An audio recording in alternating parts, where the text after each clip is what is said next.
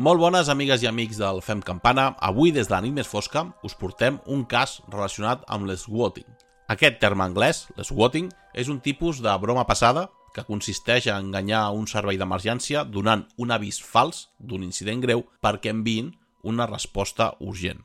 El seu nom està relacionat amb l'SWAT, un tipus d'unitat de la policia dels Estats Units altament militaritzada que porta un equip especial per enderrocar portes de casa i armes de foc de gran potència. S'han donat casos d'eswatting de poca importància, però també d'altres realment notoris que han provocat des del desplaçament d'esquadrons de desactivació de bombes a unitats d'esguat i a altres unitats de policia, passant per l'evacuació de col·legis i empreses. Aquesta pràctica està relacionada amb un terme en anglès anomenat doxing, que consisteix a obtenir l'adreça i els detalls d'un individu que està fent un vídeo en directe, trucar als serveis d'emergència dient que a casa s'està duent a terme un crim molt greu, provocant que aquests cossos especials entrin a la casa de l'streamer mentre està en directe i el detinguin davant de les càmeres. Un dels casos d'eswatting més coneguts i que van tenir un tràgic final va ser el que va passar a Wichita el 28 de desembre de 2017. Tyler Barris, un noi de 25 anys que vivia a Los Angeles, va trucar a la policia per informar falsament que s'estava cometent un crim violent com a venjança per un desacord sobre una aposta d'un dòlar i mig en el videojoc Call of Duty. En el moment de l'incident, Tyler Rach Barris era un home sense llar, conegut en els jocs en línia com a swaustístic. Tenia antecedents penals, inclosa la violència domèstica, i havia complert 16 mesos de presó per fer amenaces de bomba falses contra la cadena de televisió KABC, una escola primària a Los Angeles i una escola secundària a Granada Hills. A més, estava buscat per la policia a la ciutat de Panamà, a Florida, per fer 30 trucades amb amenaces de bomba falses, inclosa a una escola de secundària, per càrrecs de frau i per assetjar a una dona a Calgary, al Canadà. A més, una setmana abans de l'incident, presumptament va fer amenaces telefòniques a la seu de la Comissió Federal de Comunicacions i a l'Oficina Federal d'Investigacions dels Estats Units.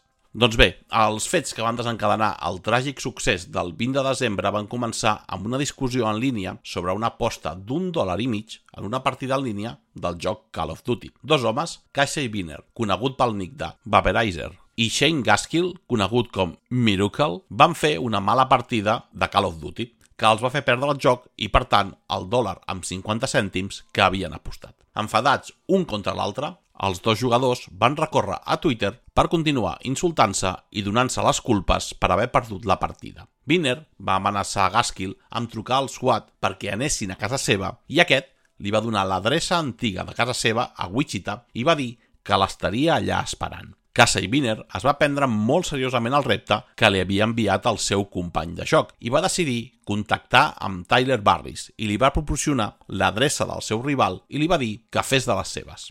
Els oficials del Departament de Policia de Wichita, que no eren membres de l'equip de l'SWAT ni estaven entrenats per dur a terme rescats tàctics o d'hostatges, van respondre a la trucada de Barris i van envoltar la casa on aparentment s'estava cometent un crim molt greu. En aquesta hi vivien Andrew Finch i la seva família, un noi de 28 anys que no tenia cap relació amb els tres subjectes. Abans que la policia entrés a la casa, Lisa Finch, la mare d'Andrew, li va dir a aquest que havia sentit sorolls al voltant de la casa i va obrir la porta. El noi va sortir al porxo i allà es va trobar amb un desplegament policial que a punta de pistola li ordenaven que aixequés les mans. Segons els testimonis oficials, el noi va començar a fer-ho, però de sobte es va aturar. Això va provocar que un policia que estava a l'altra banda del carrer disparés un tret contra el noi perforant-li el cor i el pulmó dret, cosa que va provocar la seva mort poc després. Segons va explicar posteriorment Lisa Finch, els agents, després de disparar al seu fill, li van ordenar a ella i als altres membres de la família, que eren a la casa, que sortissin. Van ser emmanillats,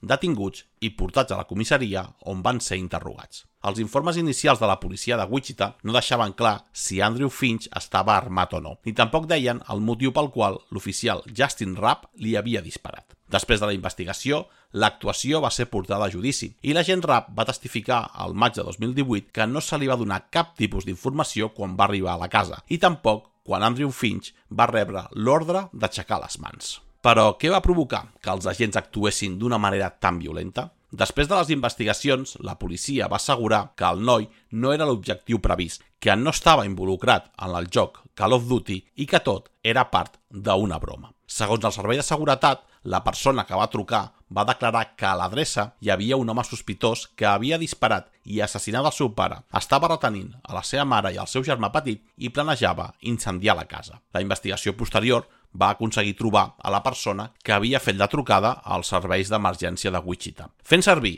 una trucada de veu IP a través d'un wifi gratuït d'una biblioteca del sud de Los Angeles, Tyler Barris va contactar amb el Departament de Policia de Wichita. Però com que la trucada va ser transferida des de l'Ajuntament de la ciutat al 911, el telefonista creia que la trucada realment provenia de l'àrea de Wichita. Barris, identificant-se a si mateix com a Brian, va afirmar que estava en una casa en el número 1033 de West McCormick Street, on havia disparat al seu pare i mantenia retinguts a la resta dels seus familiars a punta de pistola. També va preguntar si la policia aniria a la casa i els va advertir que havia basat benzina i va amenaçar amb incendiar-la.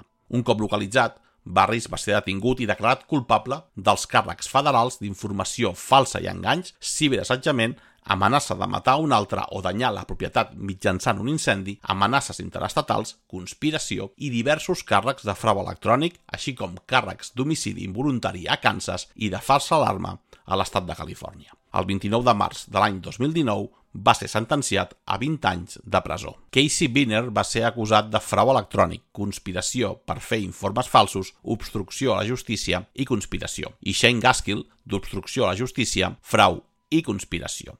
Posteriorment, a Ganskill se li van imputar més càrrecs addicionals després que es va descobrir que va incitar a Barris perquè ho intentés de nou després que es produïssin els fets. Contra l'oficial Justin Rapp no es van presentar càrrecs i cap policia va ser acusat com a resultat de l'actuació.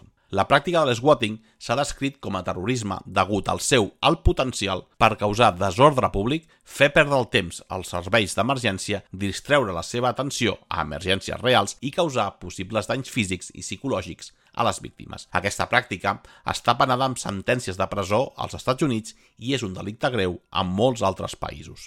I fins aquí el cas d'avui. Recordeu que aquest divendres, aquí a Ràdio Vilafant, de 3 a 4 de la tarda, parlarem sobre Tamara Somsonova, coneguda com l'àvia caníbal, que va matar i cuinar a una amiga seva després d'una discussió per una vaixella bruta. I si voleu saber més coses sobre la nit més fosca, seguiu-nos a Instagram, TikTok, Twitter, YouTube i Facebook amb l'usuari arroba la nit més fosca. I també podeu escoltar tots els podcasts a iVox, Spotify i Apple Podcasts. Fins la setmana que ve. Ciao!